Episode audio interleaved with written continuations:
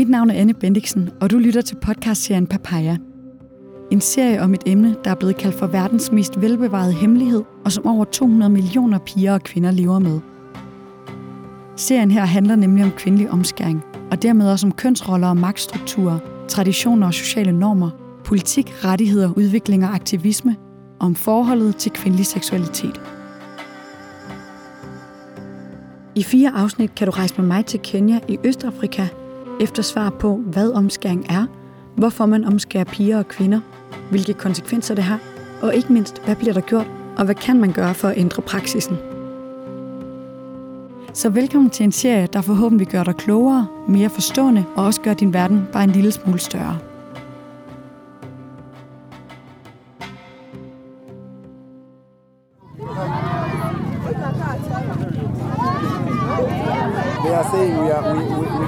We are refusing uh, female genital cut.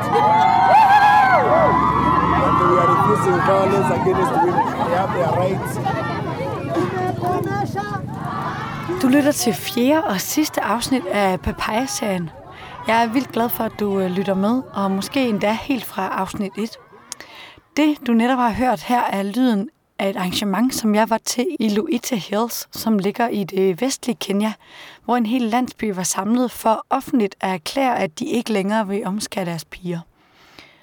I det her afsnit skal vi nemlig se nærmere på, hvad der kan gøres for at forhindre, at flere piger og kvinder øh, fremover bliver omskåret. Efter at vi i de tre tidligere afsnit har snakket om, hvad omskæring er, hvilke konsekvenser det kan have, og hvorfor man vælger at omskære piger her i øh, Kenya, så er det tid til her til sidst at kigge øh, fremad. Og det er noget af det, som jeg har glædet mig allermest til at dykke ned i og kunne dele med dig, der lytter med. For med det her afsnit, så håber jeg nemlig på at kunne give dig en tro på, at det er muligt at skabe en forandring og gøre noget for, at færre piger og kvinder i fremtiden vil blive udsat for omskæringer. Du skal møde en masse forskellige mennesker, der her i Kenya har taget sagen i egen hånd, og som arbejder både øh, politisk og kulturelt og helt fysisk med at bremse praksisen. Så læn dig tilbage, hvis øh, du har mulighed for det, eller nyd cykelturen, eller hvor du ellers lytter med fra. Og så øh, bliv inspireret af de her modige, handlekraftige mennesker. Velkommen til.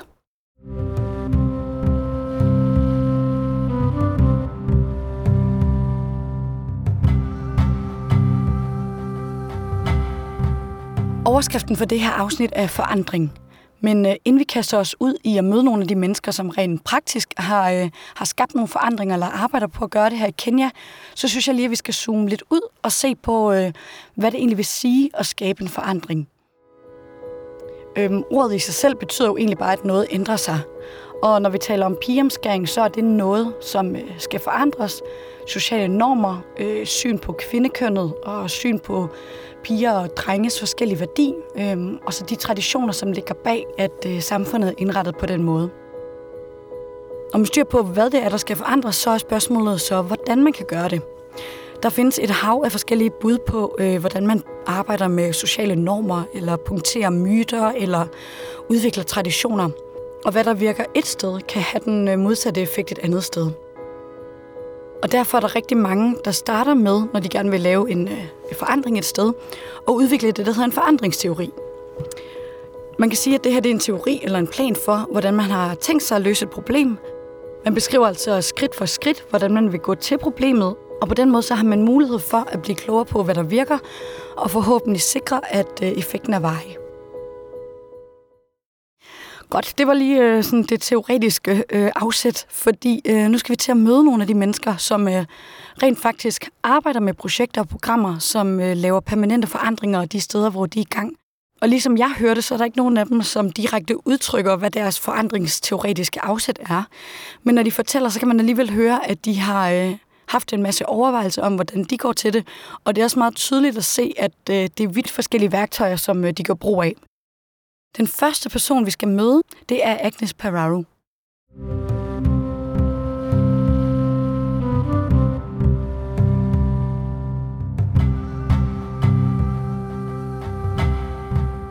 My name is Agnes Mario, and I started working against FGM as a result of me forcefully being cut by my parents. I grew up hating it. So I started um, going against FGM. Så Agnes bliver første gang for alvor opmærksom på pigeomskæring, da hun selv bliver tvunget til at gennemgå praksisen af sine forældre. På det tidspunkt er hun 14 år gammel, og hun beslutter i det øjeblik, at hun vil vise sit liv til at stoppe den her proces, som hun selv betegner som forfærdelig. Så da hun er 18 år gammel, melder hun sig ind i en organisation drevet af kvinder, der hedder Mandaleo Yawanewake, der på det tidspunkt er nogle af de eneste, som øh, kæmper kamp mod pigeomskæring. By then, there was no law protect us. We were just literally going on our own. And so I went through all the abuse, hate, bad talks about me, but I persisted. The fight, I went on. Gruppen arbejder ret alene og møder meget stor modstand, men det stopper ikke Agnes. I stedet for at krybe i skjul, så går Agnes benhårdt ind i kampen for at øh, få de kenyanske myndigheder til at anerkende, at pigeomskæring er forkert og skal ulovliggøres. gøres. Og som den første Masai-kvinde, så bliver Agnes faktisk valgt som viceborgmester i sin kommune. Og det sætter gang i de politiske hjul. Og som du måske kan huske fra afsnit 1, så er omskæring af piger og kvinder faktisk ulovlige i Kenya i dag. Men for Agnes er det altså ikke nok at arbejde med lovgivning og de politiske processer, som øh, tit tager ret lang tid om at slå igennem eller have effekt. Øhm, hun oplevede, at hun også måtte gøre noget, som kunne have en effekt for pigerne, sådan nu og her. Og så var det, at hun mødte en veninde øh, og fik en idé sammen med hende. In the year 2000, I met a friend, a very powerful woman, who agreed to construct a place for us to be keeping these girls. Now we have a safe house where our girls can run to when they are at risk of being mutilated. Agnes har altså sammen med en veninde skabt et tilflugtssted, hvor piger i lokalsamfundet kan tage hen og få beskyttelse, hvis de er bange for, at deres forældre eller nogen i deres familie vil få dem opskåret. Stedet hedder Tasaru Rescue Center for Girls, og Agnes er til daglig øh, leder af stedet. Umiddelbart kan det lyde meget smart, at man fjerner pigerne fra risikoen for at blive omskåret, men jeg tænker også på, om det ikke er en lidt kortsigtet løsning bare at fjerne pigerne. Det løser vel ikke problemet med, at forældrene gerne vil have pigerne omskåret i første omgang. Og det er Agnes faktisk helt enig i. Well, we also have a reconciliation process because after we have rescued these girls, uh, this is a temporary place where they run to, and then we take them back to their parents. Så det, de gør på centret, det er altså at forene pigerne med deres forældre efter noget tid. Og så håber de på, at de gennem dialog med forældrene kan få dem på bedre tanker. Udover at tale med forældrene, så er det altså også afgørende, at pigerne selv bliver i stand til at uh, sige fra, når de kommer hjem. marriage si ndio early marriages si ndio early marriages. After the early marriages tunaenda kwa? Early pregnancy kwa sababu watu wakiolewa wana After we have rescued these girls, we take them to school because I believe in education. Because education is power. It gives you trust and courage to say, no, this cannot happen to me because it's not right. And because you are confident, there is that confidence that in you that has been created by education or the knowledge you have, then it helps you resist. Så på den måde kan man sige, at Agnes går efter at give de her piger mest mulig viden om deres rettigheder, og også mod og styrke til at sige fra.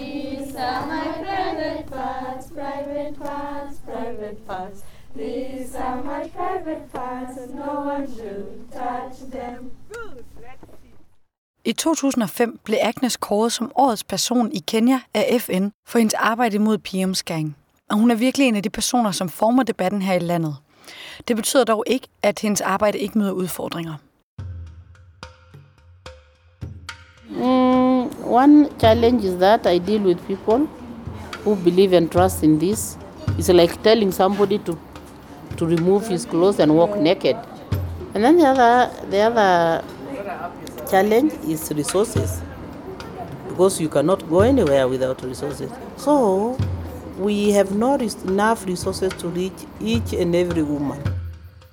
Så udfordringen for Agnes og hendes hold er, at de er op mod kulturelle normer. Og så, at de mangler penge til at nå ud til alle de piger, der stadig lever i risiko for at blive omskåret hver dag. Til gengæld så er det ikke særlig svært for Agnes at komme på, hvad man kan gøre, hvis man gerne vil hjælpe arbejdet.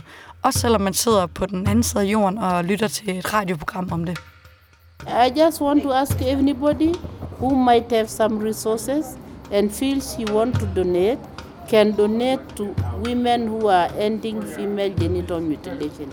It must not be me, but there are so many groups that are working on that area so that we can set our women free. Så sidder du nu derhjemme og tænker, at øh, det vil du helt vildt gerne støtte, så øh, kan du se hvordan i øh, et link, som jeg har lagt ind i beskrivelsen til det her afsnit.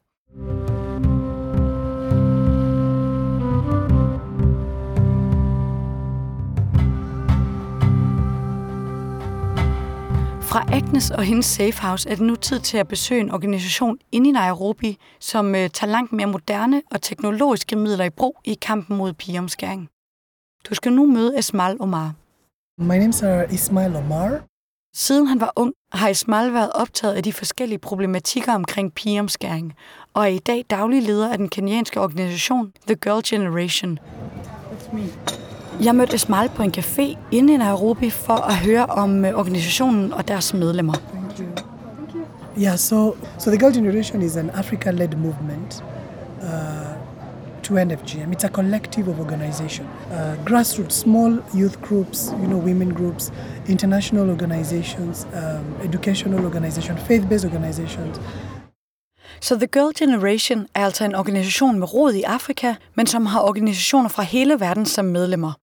I alt er 800 større eller mindre organisationer og foreninger med i The Girl Generation, og sammen arbejder de for at bremse praksisen på tværs af landegrænser, dele erfaringer og skabe engagement.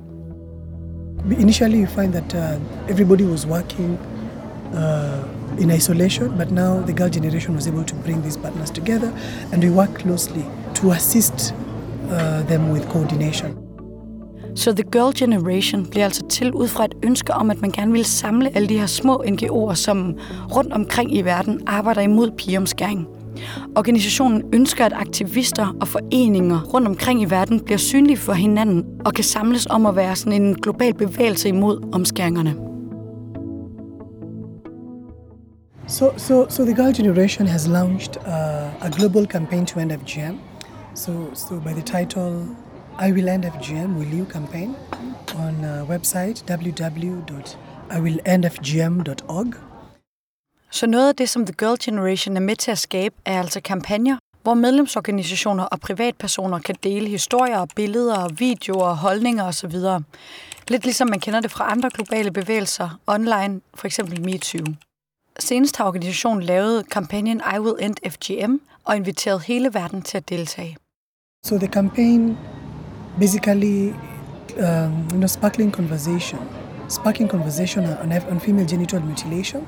So we have used, this is the platform that they use most to talk, to chat, to interact, to converse, to engage.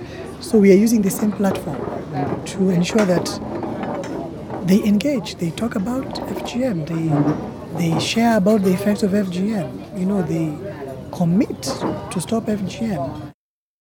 Den online måde at gå til arbejdet på er, som Smal forklarer, altså noget med at skabe samtaler, men faktisk også for at give Girl Generation mulighed for at vise politikere og fonde, hvor udbredt pigeomskæring er, og hvor stor en volumen der er af opbakning på tværs af landegrænser. So in the first phase of the campaign, we have been, we have been able to reach close to 7 million people, with with with with uh, around 14 million impressions on social media alone. So we've had also a lot of uh, positive stories being covered on different uh, uh, news uh, magazines and online publications. So we are really getting a lot of uh, uh, from. Um, from from the from online, from social media pages. Yeah, and everyone everyone is involved. Så The Girl Generations kampagne er altså nået ud til over 7 millioner mennesker, der til sammen har skabt over 14 millioner bidrag. Jeg tænker på, om nogen som mig, som ikke personligt har haft omskæring helt inde på livet, eller vokset op med konsekvenserne af det, kan deltage. This this this campaign is open to everyone across the world. Anybody who believes in this movement, everybody who believes that no girl should suffer from FGM. So so one of the things that everyone can do is uh, voice their support in this campaign by tweeting, you know, by you know on Facebook, on Instagram. So uh, so the hashtag for this campaign is it started as hashtag I have spoken, but now we are shifting to hashtag we have spoken.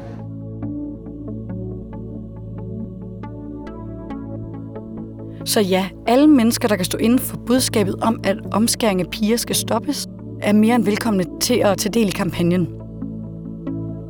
So I think we really, we all have a, a stake in this. We have a role to play, and be, be it if it's a government, if it's a government official listening to this, it's just seeing how best do you ensure that there's more funding. You see, like communities that practice FGM, when they migrate to Europe, they continue with the practice. So how do we also ensure that uh, we are also able to end FGM in, in Europe, in Australia, in USA, in Canada, in the Scandinavian countries, just ensuring that no, in this world there is no single country or place that FGM is happening or is allowed to happen.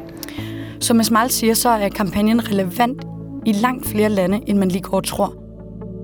Han opfordrer os til at tænke problemstillingen ind i de udviklingsprojekter, som vi har i gang, men også at man på helt nært plan har øje på sine medmennesker og tør række ud og stille spørgsmål, hvis man ser en pige eller en familie, hvor man har mistanke om, at der kunne være noget galt. Og med den opfordring, som det selvfølgelig står der fuldstændig frit for, om du vil følge eller ej, så er det tid til at sige tak til Esmal og The Girl Generation, som er gået all in i kampen mod pigeomskæring online og på tværs af landegrænser.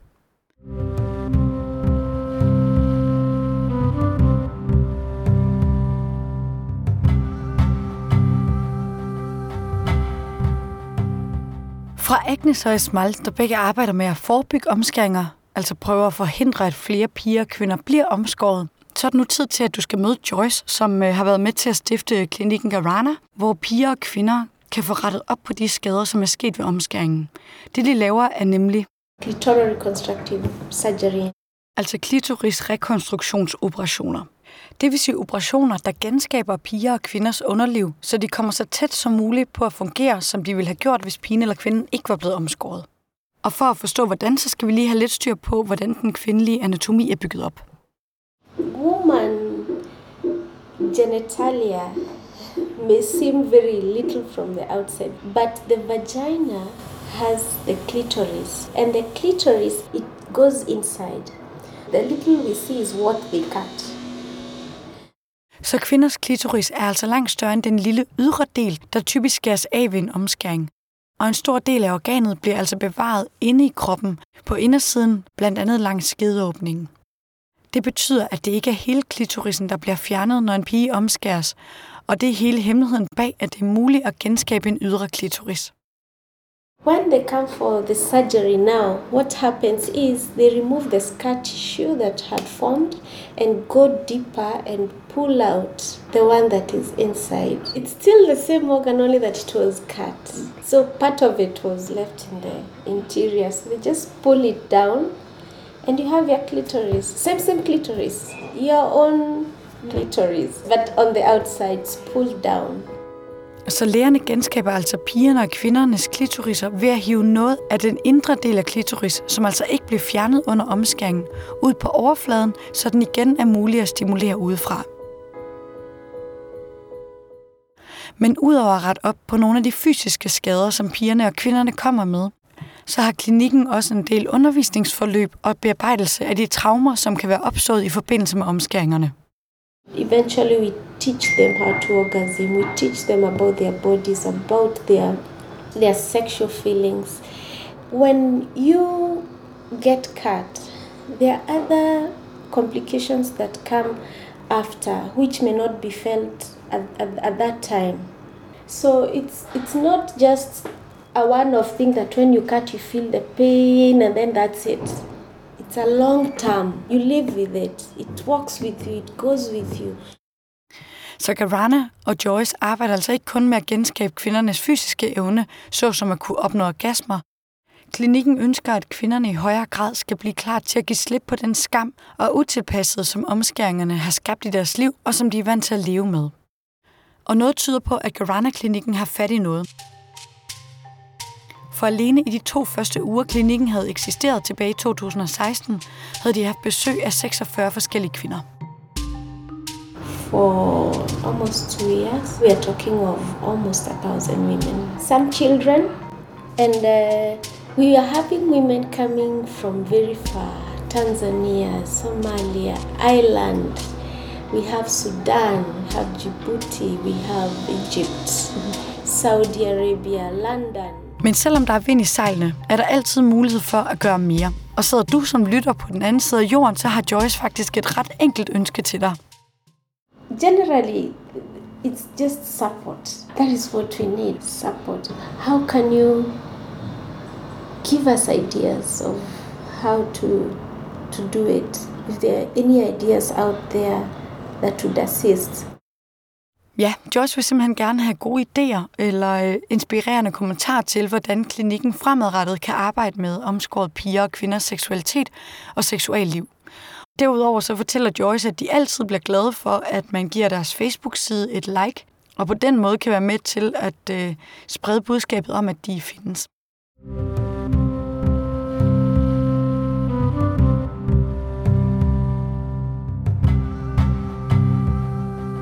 Nu har vi snakket med både Agnes, der har et safe house, Esmal, som laver online-kampagner, og Joyce, der laver rekonstruktionsoperationer fra en klinik i Nairobi. De metoder, som vi har mødt her, er bare tre ud af et hav af forskellige måder at gribe opgaven med at nedbringe antallet af omskårede piger og kvinder an på. Jeg har desværre ikke mulighed for at præsentere dig for dem alle. Det vil måske også være lidt i overkanten, øh, taget i betragtning af, hvor mange der rent faktisk arbejder med det her i Kenya. Alligevel er der faktisk et par stykker mere, som jeg synes vil være virkelig synd at snyde dig for.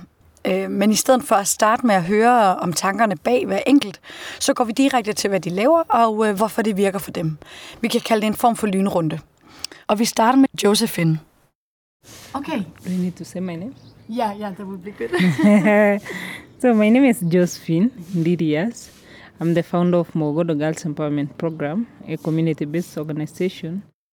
Det her er Josefine, som øh, bor ved foden af Mount Kenya, og som til daglig er leder af Mokogoto Girls Empowerment Program, der arbejder for at bremse omskæringerne ved at lave forløb og sommercamps for skoleklasser. En helt central del af forløbene er, at børnene de skal spille tag rugby, som jeg kan forstå på Josefine er sådan en light version af amerikansk fodbold. Og essensen af, at de skal spille det her, er, at de blander hold af piger og drenge. Tag rugby is a game you play. It has a lot of rules, and uh, I mean it. Uh, it makes you involved in the field, and uh, that's why we use the we use it for to break the barriers between these boys and girls. In tag rugby, you need to shout, pass. I mean, so that you get the ball. So these girls, it was an opportunity for them to talk. I mean, it, is a, a chance for them to talk, to communicate to the teammates, so that at least they get a ball, which actually made an impact in terms of their self-esteem. Så igennem den her holdsport, øh, hvor alle, både drenge og piger, skal råbe efter bolden, så bliver pigerne tvunget til at bruge deres stemme og byde ind på banen. Det giver ifølge Josephine pigernes selvtillid et boost, og det er der stor brug for. The self-esteem was very low. They couldn't even talk. They just shy off when you ask a question, and they know, but they can't. They can't answer. So, um, so we were dealing with Uh, the, their, their, their confidence level. Så kort fortalt, så er rugbykampene med til at give pigerne en plads i en meget drengedomineret setting, som øh, sporten normalt er. Og det her, det skubber til tanken om, hvor pigerne ellers kan være med til at ændre de klassiske drenge-pige-roller, både i skolen, men også i, øh, i samfundet generelt. For når det er muligt at være ligeværdige på banen, hvorfor skulle de så ikke kunne være de andre elementer af livet, for eksempel i forhold til det her med at få en uddannelse, øh, tjene egne penge osv. Og det er så her koblingen til omskæring opstår. I mean, they are so ambitious. I want to be a doctor. I want to be a pilot. So, if these girls are empowered, you need to be strong to work hard to achieve what you want to, to achieve. Uh, you know, it, it, it, they can't really affect the mentality of the girl. And they need to maneuver those challenges for them to achieve. So that is why we want to do the empowerment. Mm-hmm. Yeah, so that they can at least, no matter the situation, achieve what they want to achieve. So if we stop the car, these girls will uh, do well in school. Yeah. And that's what we want. Så gennem sport og samtaler om dynamikker, både på og uden for banen, så styrkes pigerne i at se sig selv som ligeværdige og med lige ret til drømmejobs og muligheder her i livet. og dermed også i høj grad til at sige fra over for de ting, som bremser deres udvikling, såsom omskæringer.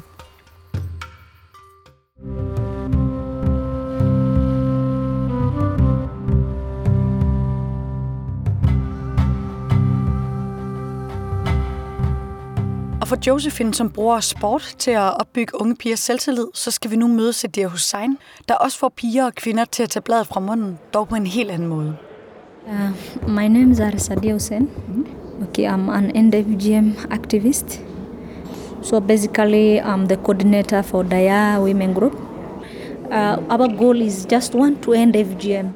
Sammen med sine kolleger i Daya Women's Group, så laver Sadir radio- og tv-indslag på nogle af de største stationer her i Kenya, hvor de snakker om pigeomskæring.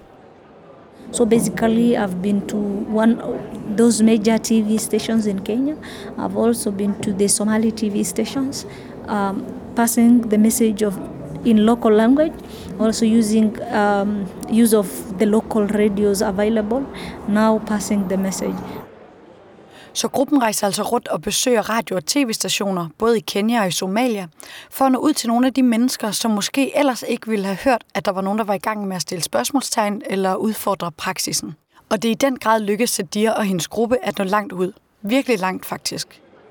During the local radio talk show or the TV, we have a time, a session for question and answers. In fact, when we were at the Somali TV stations, you know, they have this signal everywhere, worldwide.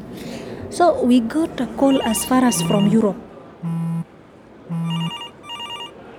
Someone um, I'm really, really happy telling me I was to take my kids for the holiday to Somalia. But now that you have highlighted and ex- explained in details that religion has no hand in FGM and FGM has no basis in our religion, now he said, Thank you. And this message should continue. You should continue appearing on TVs, you should continue educating many people. Så med tv- og radioprogrammerne oplever Sadir, at folk helt fra Europa ringer og fortæller, at de har aflyst rejser til Somalia, hvor de havde planlagt at omskære deres døtre. Fordi deres tv- og radioindslag blandt andet har lært dem, at det ikke er krævet af islam, at man omskærer sine døtre.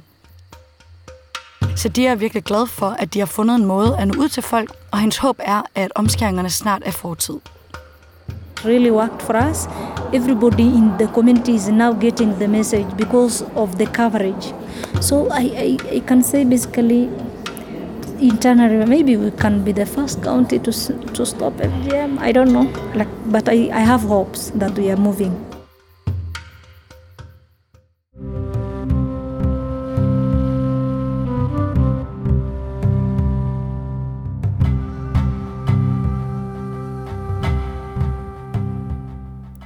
Fra Sadir bliver du nu præsenteret for den sidste her i lynrunden. Den sidste person og tilgang til at arbejde mod pigeomskæringer er mig. For ved siden af at lave den her podcast, så er jeg en del af en organisation, der hedder The Orchid Project. Orchid Project blev stiftet i London tilbage i 2011 af Julia Lala Maharaj og har i dag partnerskaber med lokale NGO'er i Senegal, Indien og her i Kenya. Og så har Orchid Project også en dansk søsterorganisation, som hedder Orchid Project Danmark, som jeg sidder i bestyrelsen for. Den måde, som vi i Orchid arbejder på, altså igennem vores lokale partnere, det er ved at tage ud til lokalsamfund, hvor omskæringerne er en stor del af hverdagen, og så lave undervisningsforløb med afsæt i FN's menneskerettigheder. hautaenda through FGM na early marriage na na na na, na, nini, na pregnancy kama uko very assertive kan sawa? Because remember kwamba mwili yako you are a flower Eksempelvis lærer man, at piger og kvinder på lige fod med mænd og drenge har ret til liv, frihed og personlig sikkerhed, eller til ikke at blive udsat for umenneskelig eller grusom behandling. Og pointen er, at rettighederne er ens for alle mennesker, alene fordi de er født som mennesker. confident confident Når rettighederne de så er indlært og anerkendt i lokalsamfundet, så bliver de ligesom en måde at vurdere handlinger og mønstre på. De bliver altså en målestok for, om en situation er i orden eller ej. Og på den måde kan for eksempel retten til ikke at blive forvoldt skade på åbne op for at se på pigeomskæring som en handling, som ikke bør accepteres.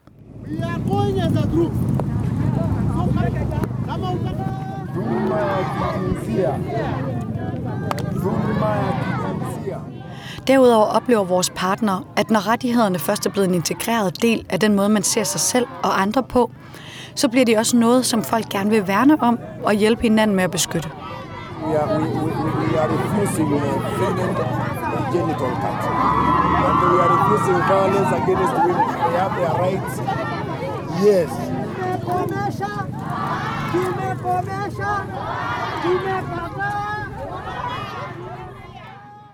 Og på den måde så bliver det accepteret at blande sig i andres liv og sige fra, for eksempel hvis noget som omskæringer finder sted inde ved naboen. Det vi oplever er, at det her afsæt i menneskerettighederne er en rigtig god måde at skabe forandring på nedefra og sørge for, at øh, forandringerne de er permanente.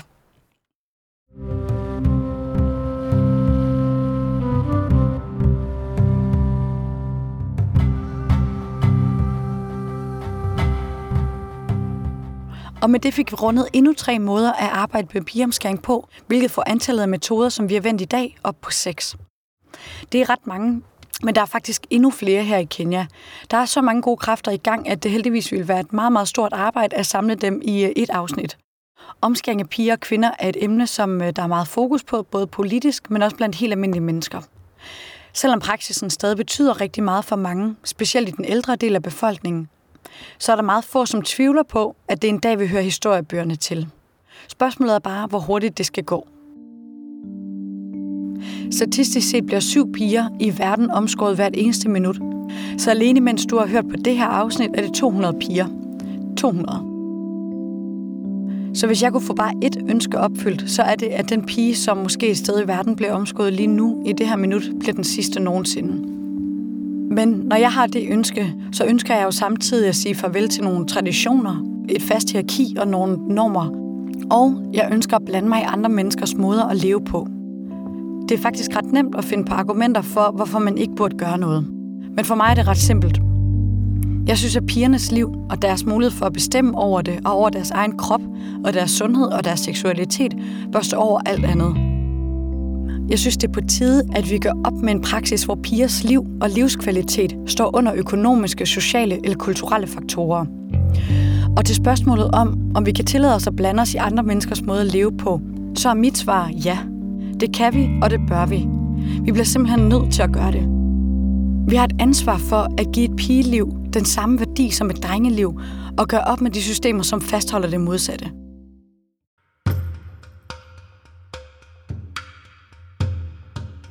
Hvis du lige nu sidder og tænker, ja, det vil jeg vildt gerne være med til, hvad gør du så?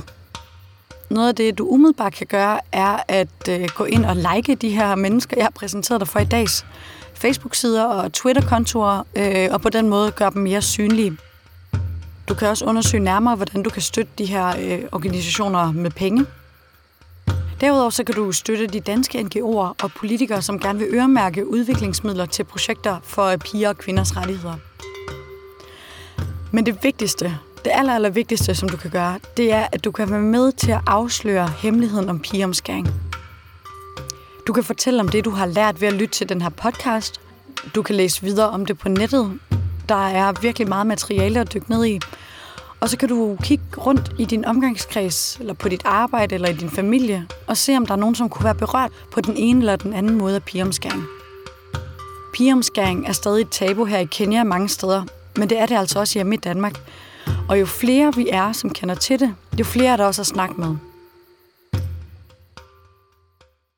Uanset hvad du gør, og øh, også hvis du vælger ikke at gøre noget og bare har lyttet med, så skal du vide, at jeg er helt vildt glad for, at du har lyttet med helt hertil. Det betyder så meget for mig. Den her sag står mig meget nær, og bare det, at du har lyttet øh, helt hertil i det her afsnit, og måske også har hørt de forrige, det gør mig virkelig, virkelig glad. Så tak for det.